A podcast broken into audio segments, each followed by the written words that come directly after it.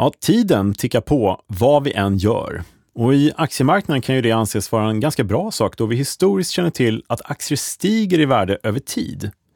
Men när det går ner eller står stilla på börsen så kan tiden ibland bli ganska kostsam. Och då behöver vi ju alternativ. Alternativ som gör att tiden arbetar för oss även om det står still i handeln eller till och med faktiskt när börsen är stängd. Ja, idag pratar vi om hur vi med enkla positioner kan låta tiden arbeta till vår egen fördel. Så ett hett tips, häng med!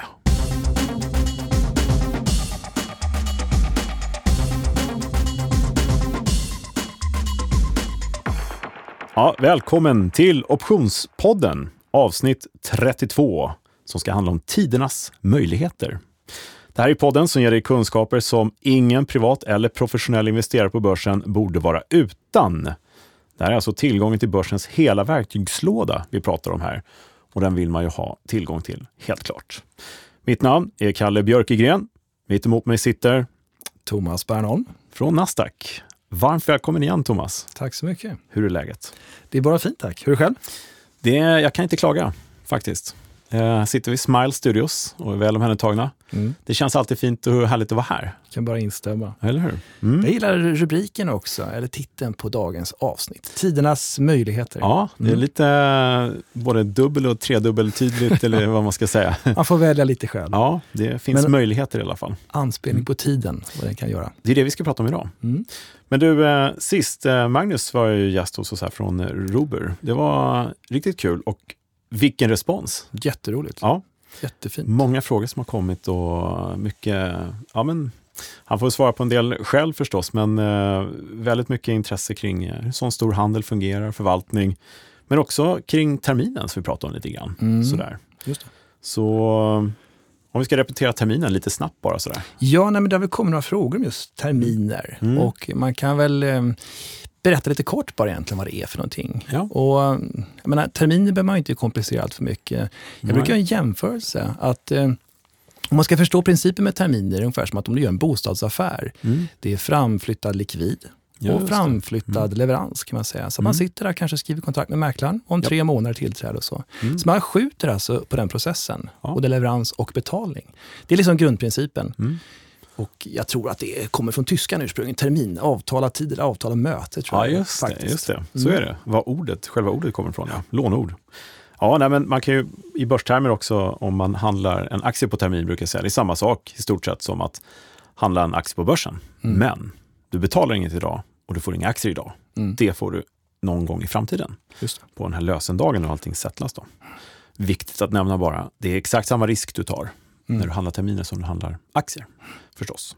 Eller indexterminer för den delen. Du får ju stå för det som händer sekunden efter, precis som i spothandeln. Då. Mm. Och den som vill grotta lite mer där så finns det två typer av terminer. Mm. Det är futures och det är forwards. Just det. Och indexterminerna på OMX är futures. Och vad, är, vad är speciellt med en future? Det är daglig avräkning som det mm. heter. Och sen får man inte leverans av det underliggande. Det vill säga Nej. du får inte leverans av 30 olika aktier i OMX S30s fall. Kontantavräkning? Då. Precis. Medan man då i forwardens fall får leverans av aktier. Mm, eller, säljer om man har sålt terminen. Just det. Så det är, och indexterminen i Sverige var ju faktiskt en forward för massa år sedan. Mm. Men det blir lite för hög risk tyckte man. Då är det en future av det. Och det är, ja, det är vanligast i världen idag, i fungerande börser, mm. att det är future-kontrakt på index. Då. Just. Så det är så. Eh, och hör du, minifuturen ska vi nämna. Ja, precis. Eh, det är ju helt enkelt, eh, det kom någon fråga om det också faktiskt, det är ju precis som indexterminen. Mm. Eh, men med en lägre multiplikator. Exakt. Underliggande värdet på en sån termin är tio gånger mindre. Mm. Och det innebär ju en rad fördelar då. Ja men verkligen. Eh, jag menar, nu står index ganska högt och mm. då blir ju en vanlig indextermin ganska kostsam. Eller det är över 200 000 kronor för en mm. sån termin. Just det. Och eh, har du en tiondel av det värdet så är det mycket lättare att kunna finjustera sin exponering och även finjustera sin kanske hedge, man skyddar sig. Mm. Sådär, så det, och för det, mindre portföljer? Ja absolut. absolut. Det är, det ett bra insteg också. Man kan börja med en sån termin. Ja, precis.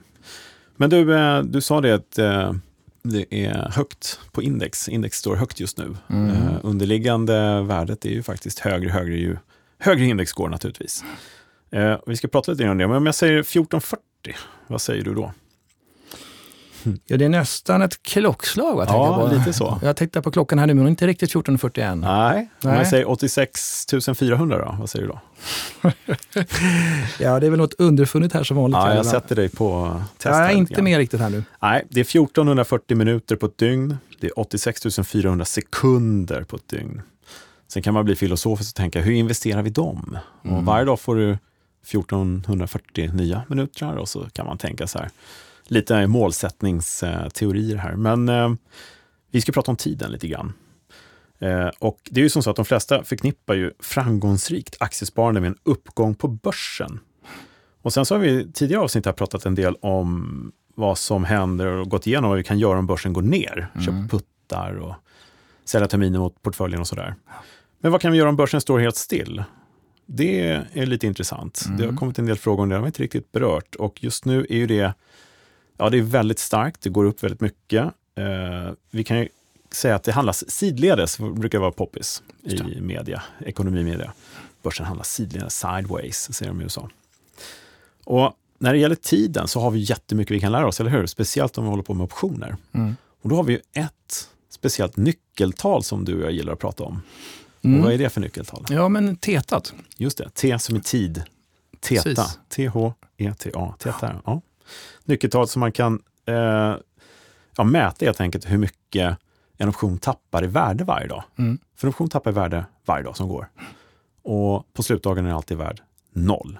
Så kan man köpa saker billigare eller sälja saker dyrare.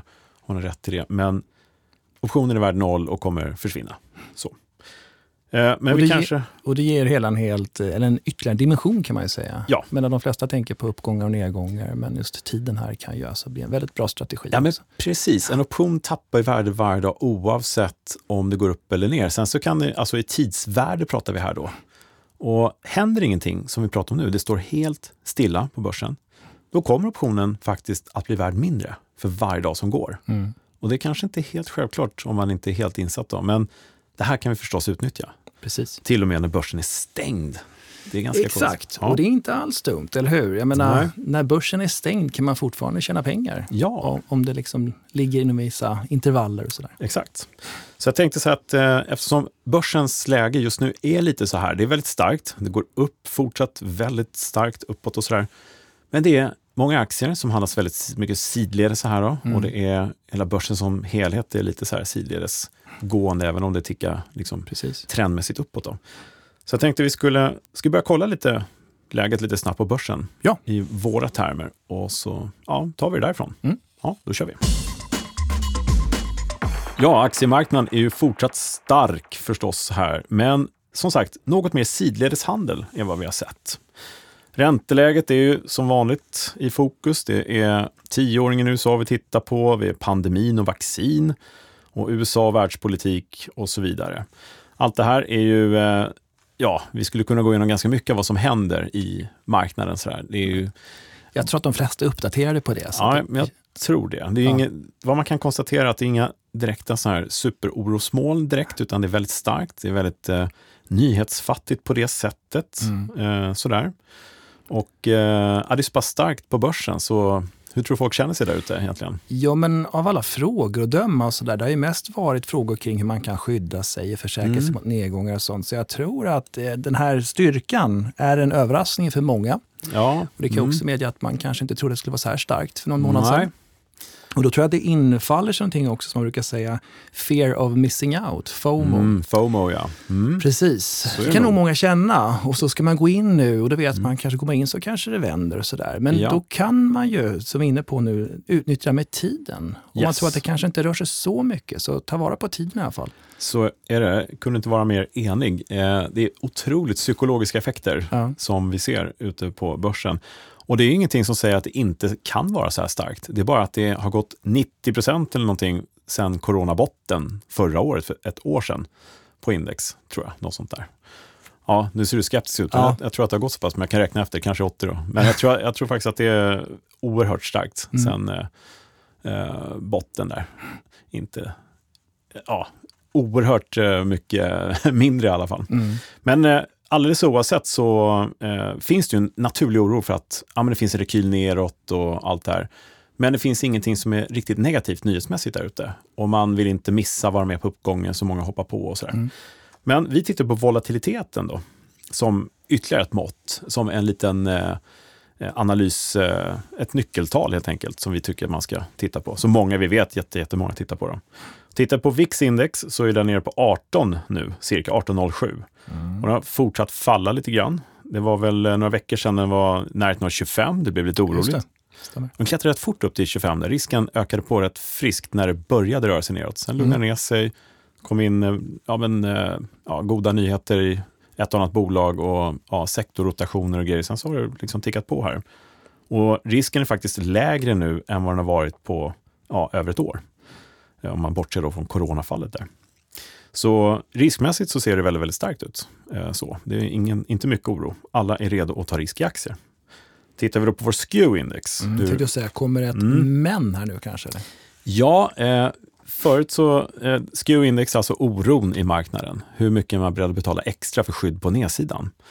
Eh, och det har vi pratat ganska mycket om. Det kan man eh, kolla på optionsbloggen.se med SKEW-index, vad det innebär. Men det är helt enkelt korta drag oron på börsen. Och här är normalläge på det indexet, SKEW-index, är 120.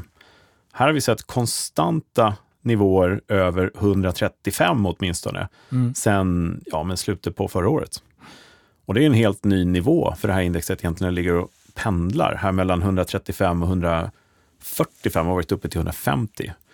Så det här är helt enkelt en stabilt närvarande oro och en, ska säga, en skarpladdad beredskap för en korrigering neråt. Mm. Och då ska man veta att om man går in i djupet på det här så, så kan man faktiskt hitta en anledning till att det kan bli självuppfyllande efter ett tag. Om positionerna blir för stora på nedsidan och man rullar vidare så ibland så blir det bättre att göra annat då. Så det här är någonting man kan eh, ta med i sin beräkning, bör ta med i sin beräkning, att det mm. finns en ständig, konstant oro som man, är, eh, ja, man handlar på helt enkelt. SKEW-index är väldigt bra att ta med sig. Och vilken nivå ligger vi på nu ungefär? Ja, nu eh, sa jag kanske inte. Vi ligger på 140, 139,63 sista tick. Eh, och det är prick 140 då skulle jag säga. Mm.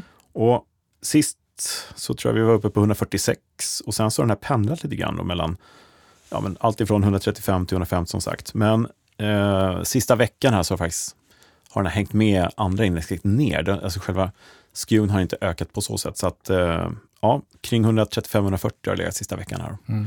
Men och, det är högt, det är det. Och det var ju superintressant då, vi kan återknyta till förra avsnittet, nummer 31, mm. och Magnus Linder också, som berättade hur han utnyttjade SKUen. Ja, precis. På ett optimalt sätt. Yes. Eh, det, det tycker jag man, man ska lyssna på om man inte har gjort det. Det ska man göra och mm. ta till sig att eh, det här är ingenting, även om han är en förvaltare på den i särklass största förvaltningen i Sverige, så är det här kunskap man själv kan ta till sig och i allra högsta grad liksom, lägga till sin analys för att fatta mm. beslut då, i sina positioner. Verkligen. Helt klart.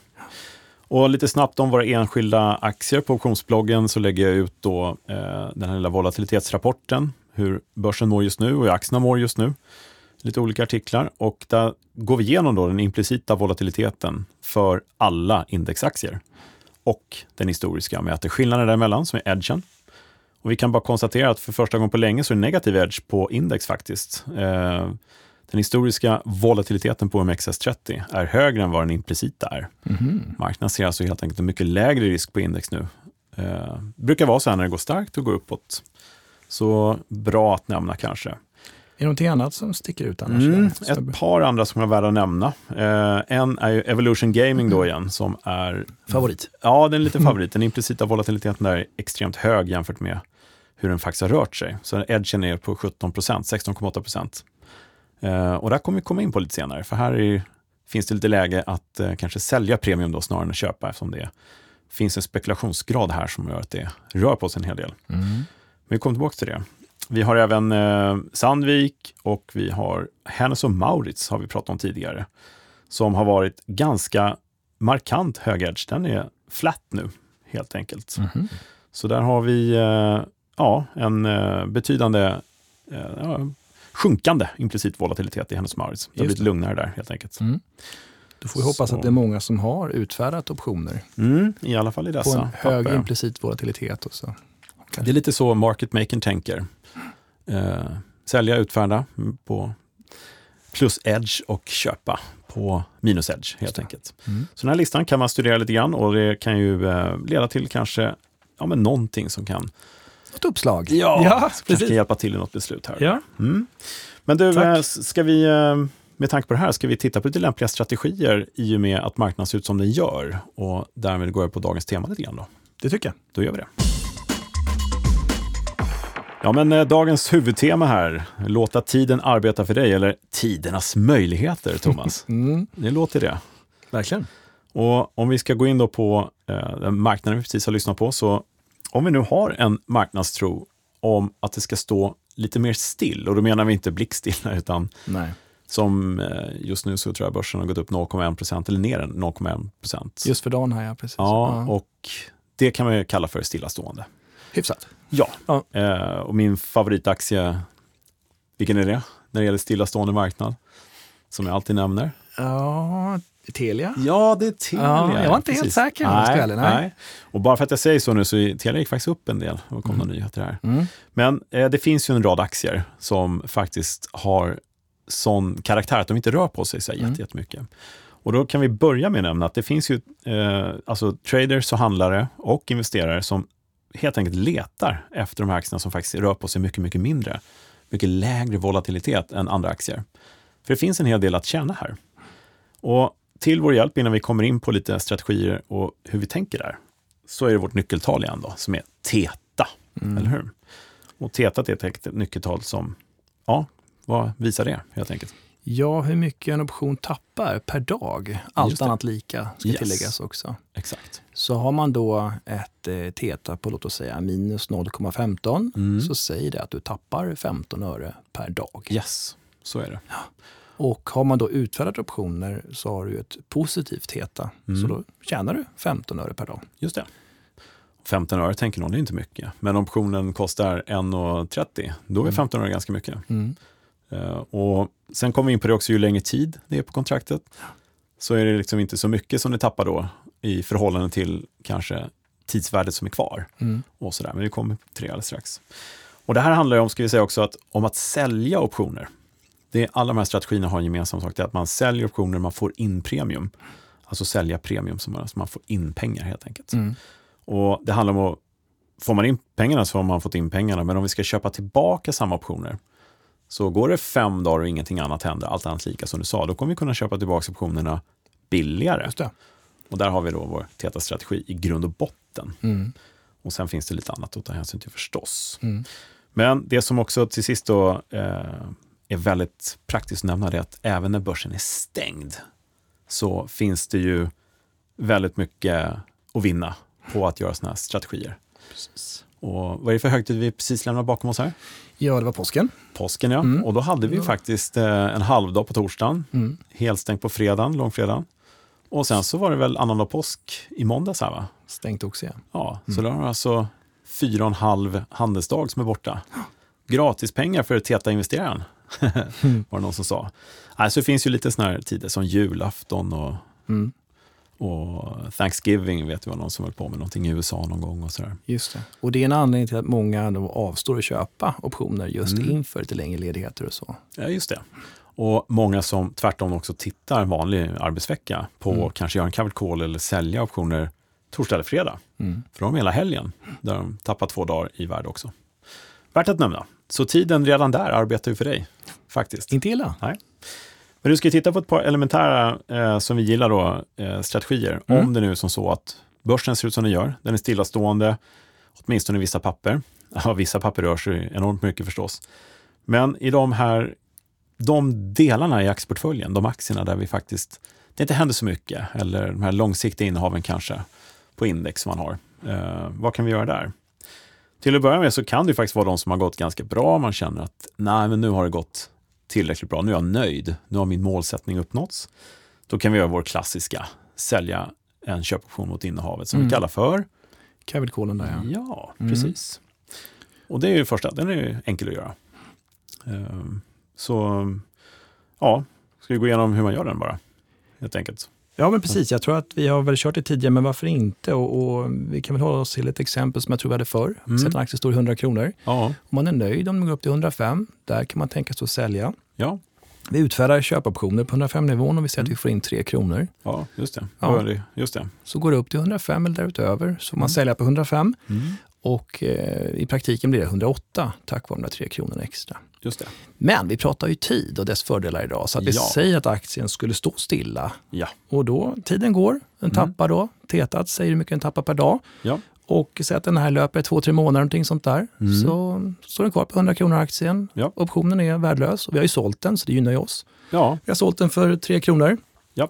Och är det 10 kontrakt gånger 100 så pratar vi om 3000 kronor. Det är pengar det också. Ja, verkligen. Ja. Plötsligt har vi gjort 3% på en stillastående aktiekurs. Och egentligen händer ingenting med din aktieposition överhuvudtaget. Det enda som händer någonting här är att aktien, jag vill säga, optionen förfaller och dör bort Mm. och du får behålla dina tre kronor. Precis. Och vad kan vi göra då, dagen efter den här optionen har förfallit? Ja, det här var ju roligt, eller hur? Ja. Så det gör väl kanske på nytt. Då kan du göra det igen, ja. Mm, exakt. Med lite tur, tre kronor in igen. Ja. Fortsätter det stå stilla, så ja, då Ja. kan du göra det igen. Exakt. Och det Ja. blir ju en fin årsavkastning. Och sen ännu bättre såklart om det tickar sakta upp i aktien så kanske man utfärdar på en högre nivå nästa gång. Det är kanske det. 107,5 man säljer på eller utfärdar på. Ja, och det är det här som är det fina, det bestämmer ju helt själv. Det finns ju inga regler egentligen. Eh, ju högre upp du väljer att sälja dina eller utfärda dina calls, desto Mm. mindre får du in förstås. Då. Mm. Men det här är ju, kan man ju sitta och räkna på ganska enkelt hur man vill. Och, och vi får ju kanske ofta frågan också vilken löptid ska jag välja och vilken nivå. Mm. Och eh, det finns kanske inget givet svar, men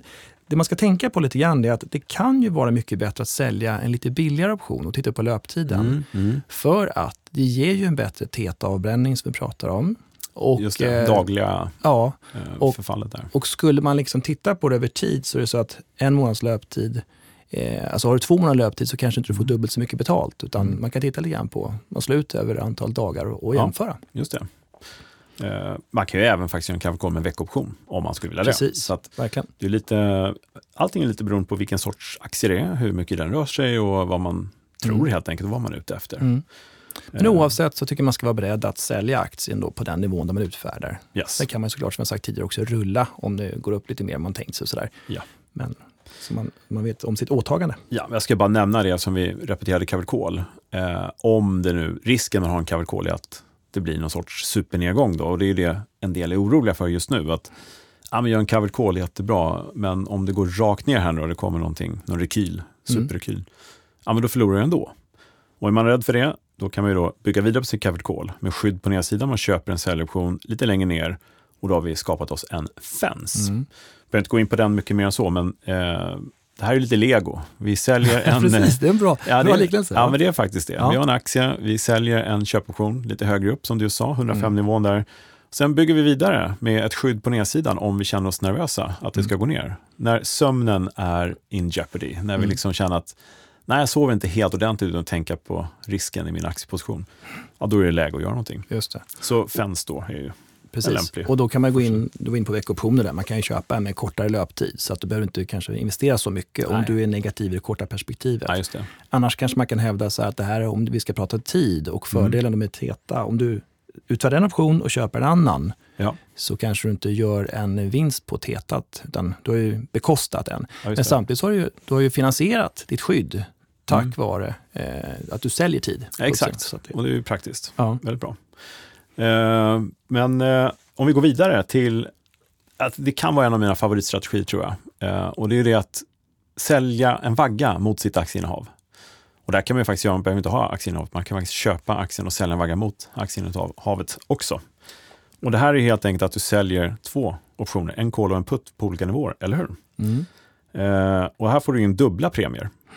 Och det säger sig självt, om du har en aktie som står still och du säljer både en call och en put, så ja, det är ju praktiskt. Du jobbar ju tiden verkligen för dig på två olika Två optionskontrakter. fronter liksom. Ja, det är väl bra. Och just vaggan, alltså säljer du till exempel då, har du aktien på 100 där som du sa, Mm. så kan du sälja din 105 call precis som innan Mm. och få tre spänn för den. Så kan du sälja även 95 putten, så att du får tre spänn för den också. Just det. Fått in dubbelt så mycket. Och Då börjar det bli riktigt bra. Ja, det börjar hända grejer då Om det faktiskt. står rätt stilla sådär. Så att, ja. Ja, och då när vi menar stå stilla här, då ska det stå stilla mellan 95 och 105. ja, Eller hur? exakt. Och det fina i den här är att gör det, ja men då får du behålla alla premier. Gör du inte det, då kommer du sälja dina aktier på 105 Mm. till någon annan. Eller får du köpa extra aktier på 95. Men Mm. om det är en aktie som du känner dig trygg med så kanske det kan vara okej att köpa extra aktier där nere över tid och Mm. lägga en långsiktig portfölj. Och premien som sagt får du behålla alldeles oavsett. Exakt. Så Och tydligt där, du tar alltså på dig skyldigheten att sälja aktier på 105 och du tar Ja. på dig skyldigheten att köpa fler på 95. Yes. Och för det får du 3 plus 3, det vill säga 6 kronor. Ja. Så går du upp till 105 så har Mm. du 5 kronor plus i aktien och 6 kronor i plus på optionspremier. ja, Så det är 11 kronor upp där. det är bra grejer. Det är jättebra. Och det här kanske är någonting med löptid på ett par månader, skulle jag Mm. säga. kanske. Men säg att du gör det här fyra gånger per år och Mm. du konstant sitter med jag, jag sa aldrig Telia nu, gjorde jag inte. Nej. Men, eh, det Ett finns, exempel. ja, men det finns ju Ericsson som är lite mer volatil. Det finns eh, alltså alla möjliga aktier som man kan titta på och simulera. Då. Mm. Eh, och göra det här då i en aktie som kanske inte rör sig så himla mycket eh, med börsen som har gått upp jättemycket. Då, Mm. så kan man få en väldigt fin avkastning på ett års sikt Exakt. i en aktie som står still. Och det ser ju lite bättre ut i aktieoptioner som har lite högre implicit volatilitet. Man får bra betalt. Liksom. Lite mer premium, ja. Precis. Högre volatilitet, dyrare optioner. Ja. Så får man lite mer in då, ja. Samtidigt är ju de oftast eh, betydligt mer rörliga. Så att det ska man ju tänka på. Yes. Men den kan man läsa mer om på optionsbloggen bland annat. Mm. Den är ju en klassiker som vi har pratat mycket om, vet jag. I, inte bara här i podden, utan eh, föreläsningar eller i videos och Mm. annat. Nej, Så men den är jättebra. Ja, den är lite intressant. Om man inte har hört om den tycker jag man ska studera den vidare. Och sen brukar man ju säga att tidsvärdet är högst vid at the money. Just det. Och då kan det ju vara frestande att sälja at the money-optioner. Mm. Mm. Och då kommer vi osökt in på en strut. man vill Just sälja en strut. Det är samma sak som vaggan fast med samma lösenpris här, man köper och säljer. Just det, Mm. eh, precis. Man köper säljer. Man säljer både köpoption och säljoption. Ja, Jag håller rätt här. man köpt eller sålt struten. Men Mm. det kan man också göra Ja. om, man är, om man är mer så att det kommer verkligen ligga still om man tror Mm. det. För då Mm. blir det ännu lite bättre premier. Ja, Och det kan du ju göra mot innehav också förstås. Då.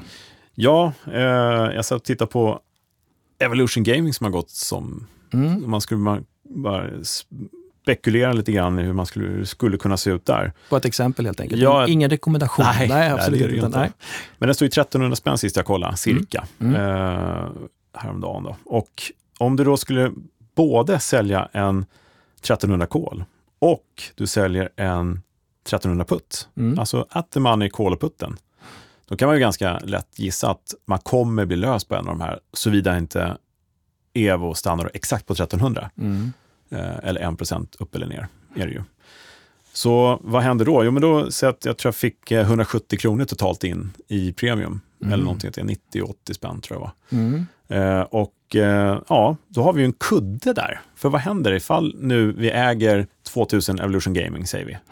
Så säljer vi av 1000 stycken Mm. och gör en strut mot som vi säljer här Mm. på de här optionskontrakten. Just det. Då har vi 1000 kvar. Om det nu går ner, då har vi exakt samma risk som vi hade alldeles nyss när vi hade kvar våra eh, 2000 kontrakt Ja, totalt.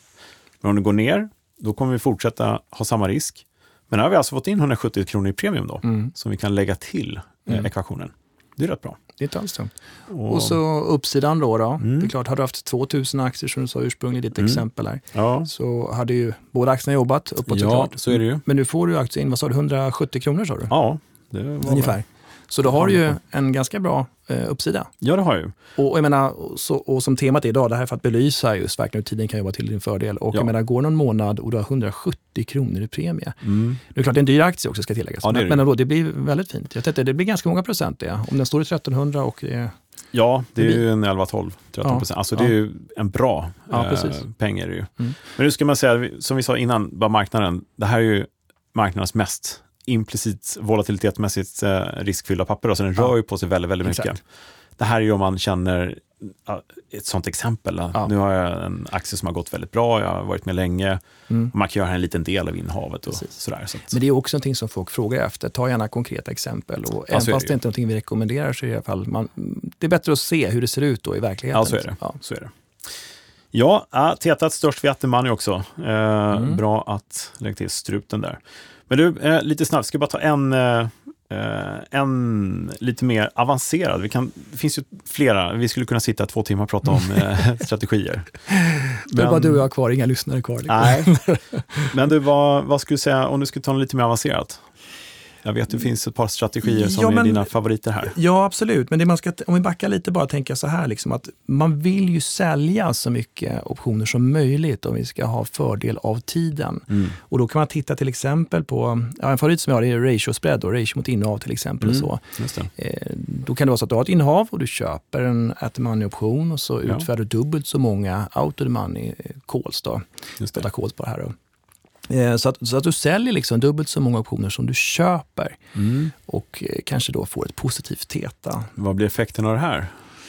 Det blir ju då, alltså om du tänker att ha ett innehav, Mm. aktieinnehav och du köper då en call på the money och eh, säljer dubbelt så många bit upp så kan man säga att du har som en covered call och parallellt har du en call spread om man Ja. nu ska dissekera lite grann. Yes. Så det är den. Men eh, den är jättetrevlig. Man får ju liksom får- dubbla uppsidan upp till den nivå där du har utfärdat optioner Ja. och du kan då få göra den kanske plus minus noll eller betala ytterst lite. Så att den är väldigt trevlig. Men om du jämför med ett aktieinnehav så kommer du få en eh, större utväxling och tjäna mer snabbare på Precis. den här strategin. Upp till en viss nivå. Ja, upp till en viss nivå. Mm. Där blir det stopp, där blir det tak. Precis. Så att om du tror på en snabb, stark uppgång Mm. närtid, Mm. som du är nöjd med, då ska Exakt. du titta på den här. Precis. Den behöver kanske inte vara så snabb heller egentligen, eh, Nej. men eh, i alla fall hyfsat. Eh, är det här någonting att göra när man när det ligger still i marknaden? Ja, så länge man är lite positiv, för då Ja. optimerar verkligen. Det gör det verkligen. Ja. Mm. Det är verkligen optimera eh, utfallet helt Mm. enkelt i aktierna. Så är det. En obetydlig eller ingen insats alls egentligen och du har en stor uppsida till en viss Ja. nivå. Eh, Men sen annars då om man ska sälja optioner, vi har ju pratat om eh, trebeningar förut. Träbening. Ja, träbening var det Ja, sa. Ja, precis. Just det, i, i tidigare avsnitt. Jag vet inte vilket Mm. avsnitt var det, Kalle? Du som har koll på det här. Oh, kommer du ihåg? Tidigare avsnitt var det. Ja, tidigare avsnitt. Ja. Vad bra. Ja. Det var Eh, bläddra. Så Precis, man. trebeningar och eh, där du då kanske köper eh, en kolspread, Mm. Utfärdar en säljoption, vi tänker på uppsidan. Men Mm. om du har en kanske negativ tro också så kan du ju för all del vända på den också. Just det, vänder på flödet ja. Så att du säljer en kol och köper en putsbredd. ja. En covered call plus köpt putsbredd. Mm, du kan ett innehav också, precis. Absolut. Nu, Jo, men, jo, men det, ja. många sitter och blir förvirrade kanske om man inte är in, Nej, men vi kan bena ut det. Vi, vi pratade om fens förut, ett Mm. fens. Och eh, då har du utfärdat en kol och köpt puttar. Mm. Och här kan du utfärda kolen och köpa en kolsbredd. Du tror på en begränsad nedgång och Mm, du har ett aktieinnehav. Ja. Ja, det är roligt hur, eh, eh, det är det här som blir lite essensen. Man köper en kol, man säljer en annan kol med kolspread. Mm. Och sen så kan man liksom eh, köpa en, en aktie och sälja en kol emot. Och det blir syntetiskt en såld putt och så blir Ja, det, det, är intressant. Ja, det är väldigt mycket intressant och det är helt okej ska vi säga ifall man inte hänger med i det. ja, men vi hade väl ett avsnitt om synteter också? Ja, det har vi också. Så Precis, att, det kan man eh, lyssna på. Tanken är ju att eh, det här ska bli utbildande avsnitt så man kan gå tillbaka och lyssna då. Mm. Och sen så ser man kanske om man sitter och ritar graferna, eh, sambanden här med hur allting ser ut och sådär. Just det. Så det Och som bara- du var inne på förut också, har man en hög SKU, försöker vi utnyttja det. Mm. Din favoritstrategi tusenfotingen då? Hur, hur, eh, hur ser den ut? Träben och tusenfotingar. Ja. Nej, Nej, den har jag inte kört än, Nej vi får skapa den Ja, först. absolut. Vi återkommer till Ja. tusenfotingen. Och, och vi ska betona här att det finns ju såklart, som du var inne på också, det finns många mer strategier. Det finns ju kalenderspreadar, tidsspreadar Ja, och sådana saker Ja, också. ja. Det utnyttjar tiden. Så det, det kan vi återkomma till Ja. Ja, vi skulle kunna sitta längre och prata, men här var lite Mm. grann, lite, lite beröringspunkter i alla fall Ja. på strategier. Nu skulle jag vilja att du tog några exempel också på vad tetat kan uppgå till. Om Mm. vi jämför löptider. Du, du hintade lite Ja. grann här in, inledningsvis, eller tidigare. Ja, precis. Jag tittade ibland på Evolution Gaming då, som är en ganska dyr aktie numera. Mm. Striken eh, lösenpriset 13,05 var närmast at the money jag hittade. Mm. Tittar man då på eh, at the money då som sagt, eh, april, Mm. det är bara några veckor kvar. Någon vecka kvar. Där har vi eh, 91 öre per dag tappar den optionen. Allt annat lika. Ja. Allt annat lika. Mm. Så det är, det är ganska mycket. Och det kommer ju tappa, fortsätta tappa värde varje dag tills det Just det. tappar allt då, Mm. den tredje fredagen där. Jämför man det med september, samma strike, så har det 21 öre. Det är 12,90 eh, lösenpriset förvisso. Ja, Men det är 21 öre jämfört med 91 öre. Och under längre tid då, så ja, det tappar inte lika mycket värde när det är mycket, mycket längre tid kvar. Och det kan vara värt att, att veta när man tänker på hur lång löptid jag ska ha i mina respektive strategier. Mm. Och har du lång tid kvar, ja men då är inte det här teta förfallet så att säga eh, så allvarligt. Mm. Men ju närmare förfall du kommer, desto större blir det. Och ja, på slutdagen så är det ju verkligen, du tappar allt. just det. Så det kan vara bra att tänka lite i de termerna. Mm. Kan det vara. Jämför med Ericsson där Atteman i april tappade 8 öre. Och det är mycket billigare aktier, därför är det mindre pengar. Just det. 117,5 striken hade jag där. Och så i september från 8 öre till 2 öre. Okay. Och sen tittar jag även i Telia, den är ju ännu mycket billigare, kostar 38 spänn när jag kollade sist där. Mm. Och i april så tappar du 2 öre. På, det är bara några veckor kvar och det är inte mycket pengar. Och i motsvarande då så är det ett öre för september, så där är det ju ingen jätteskillnad. Det händer inte så mycket där. Nej, men det är jätteintressant att mm. se att tetat skiljer sig så pass mycket. Ja. Och det kan vara en bra fingervisning om hur man ska agera. Vill jag liksom försöka få ut, alltså utnyttja mm. tidsvärdeserosionen på ja. kort sikt, då, yes. då är det ju de kortare löptiderna man ska kika på. Ja, men så är det. Mm. Och likaså om man ska köpa en option så kan det då vara bättre att köpa en mycket längre löptid än vad man tänkt ursprungligen. Yes, och man kan få bra utväxling där. Mm. Så det här förhoppningsvis kan, eh, eh, ja det sätter kanske lite grill i huvudet på en del, men det kan skapa lite goda tankegångar också i eh, valet av kommande strategier på börsen. Och du brukar sätta griller på fötterna ibland, gör du inte det? Det gör jag. Ja, jag spelar med Djurgården Hockey. ja. ja, det är härligt. Ja. Nej, men du, eh, ska vi eh, ja, nöja oss där så länge, så kan vi motta frågor till Optionspodden ifall det är någon som undrar någonting i komplement. Det blir jättebra. Så kan vi, ska vi kolla om det kommer några frågor? Ja. Ska vi göra det? Mm. Ja, vi hoppar dit istället. Vi kör. Ja du Thomas, det kommer in frågor till podden på löpande band kan man väl lugnt säga. Och eh, jag önskar att man kunde beröra allting som det frågas om. Vi försöker ju, eh, ja du och jag sitter och försöker knåpa upp avsnitten efter ja, men den stora massans frågeställningar så att säga. Så ska försöka beröra allting eh, över tid. Ja. Över tid, det var ju roligt idag. Eller hur? ja, Tidsvärdet på podden är ständigt stigande. Eh, men det har också kommit eh, lite andra varianter av frågor. Det har varit poppis med eh, våra gäster, som sagt. Bra mm. feedback på det sen Magnus Fire och även på Håkans. Just det, omräkningar där också. Ja, sen ja. har vi ju haft tidigare gäster också. Magnus mm. Fromin och Claes Ryttergård och mm. traders och mäklare och sånt där. Och det här tycker folk är kul alltså, att höra hur... Roligt. Ja, men hur det arbetas på deskarna. Så en fråga har varit, eh, kommer någon market maker till podden? Just det. Det kan vi säga att det har vi på agendan. Ja, det har vi. På ett eller annat sätt ska vi yeah. försöka lösa det. Mm, verkligen. Ja, men det är kul att det efterfrågas och det tycker ja. jag är väldigt eh, intressant, så man förstår helheten också. Verkligen. Ja, precis. Mm. Och eh, någon, äh, faktiskt fick ju, jag har ju varit en market maker, fast det var ju ett tag sedan och det kan vara kul att sitta och kolla hur det funkar i dagens läge och mm. hur, eh, ja, men hur arbetas lite grann och Verkligen. hur man hanterar ja, Det ska vi försöka ordna. Och ehm, ja, men även eh, så har det kommit eh, frågor om, vi ska försöka hitta alla, vi har ju förvaltare, vi har ju mäklare, vi har traders, vi har market makers. Och, ja, så att vi jobbar på den, helt klart. Får vi se hur många avsnitt det blir, helt enkelt. Mm. Men vi kör på. Ja.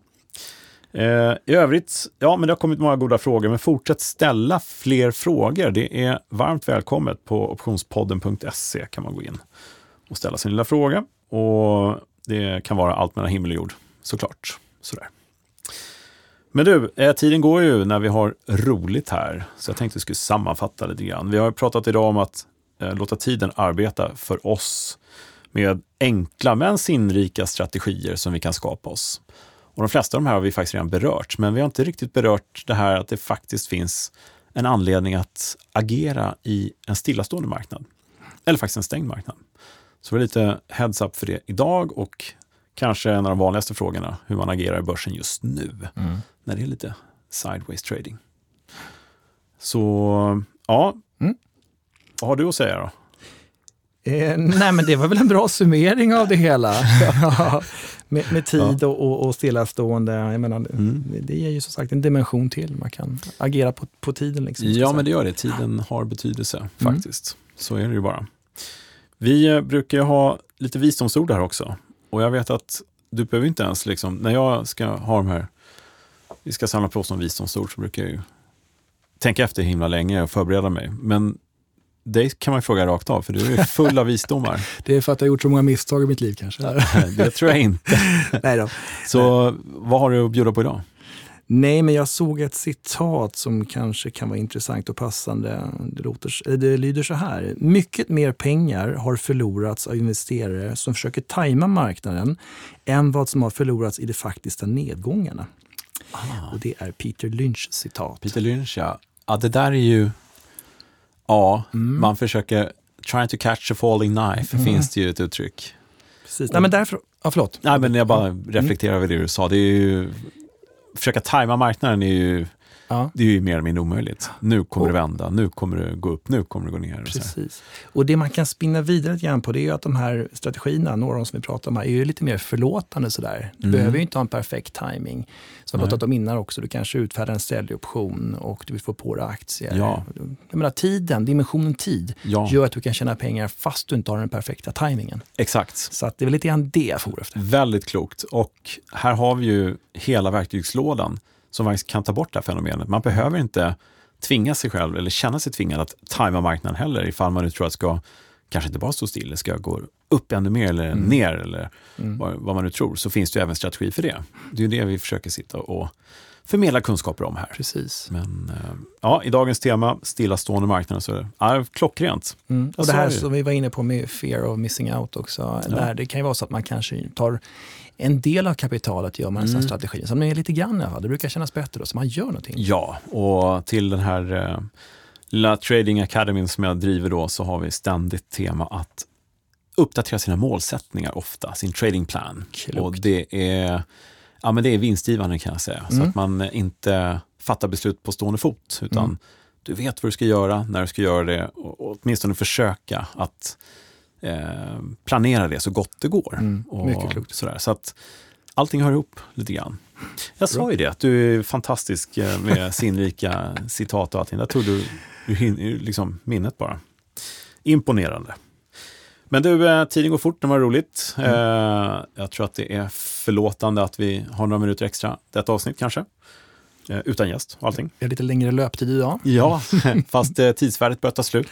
Ja, det ser ja, ut så på klockan. Det går mot vårt förfall. Ja, precis. Men eh, vi kan väl säga så att eh, för den som vill lära sig mer gratis om optioner finns en gratiskurs på optionskurs.nu. Eh, man kan även gå in på optionspodden.se som jag nämnt. Där kan man ställa sin fråga till podden. Man kan läsa mer på optionsbloggen.se. Följa mig på Twitter, att cbjorkegren, eh, Facebook, Inspire Academy och hej och Det finns jättemånga. Men vi ska göra slag för, tycker jag, också 10 frågor och svar. Exakt. Jag kände att vi hade missat det vid tidigare påannonsering. Ja. Tio frågor och svar, ja. en trevlig liten broschyr.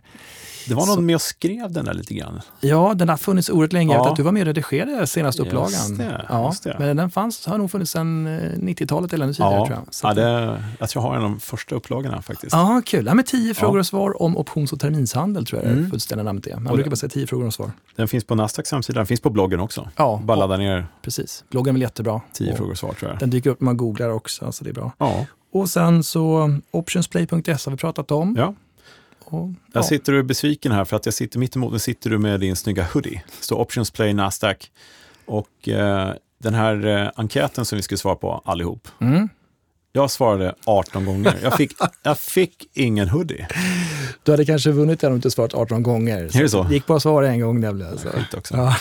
Ja, men snygg är den i alla fall. Mm. Måste man säga. Kanske ska jag lotta ut fler sådana till. Kanske det. Nej, men där, det är en tanke. Ja. Vi har väl någon kvar efter att vi delat mm. ut de här. Så det, det, kan vara så, det kan vi diskutera. Mm. Ja. Vi, ja. Men vi, eh, vi tackar för oss där. Tidsvärdet är slut ja. i poddavsnitt nummer 32. Men håll utkik efter kommande avsnitt. kommer fler matnyttiga kunskaper, fler gäster och allt möjligt. Vi är snart tillbaka. Tack för idag Thomas. Tack så mycket för idag. Tack Pontus som alltså är vår ljudtekniker i alla våra poddavsnitt. Hej!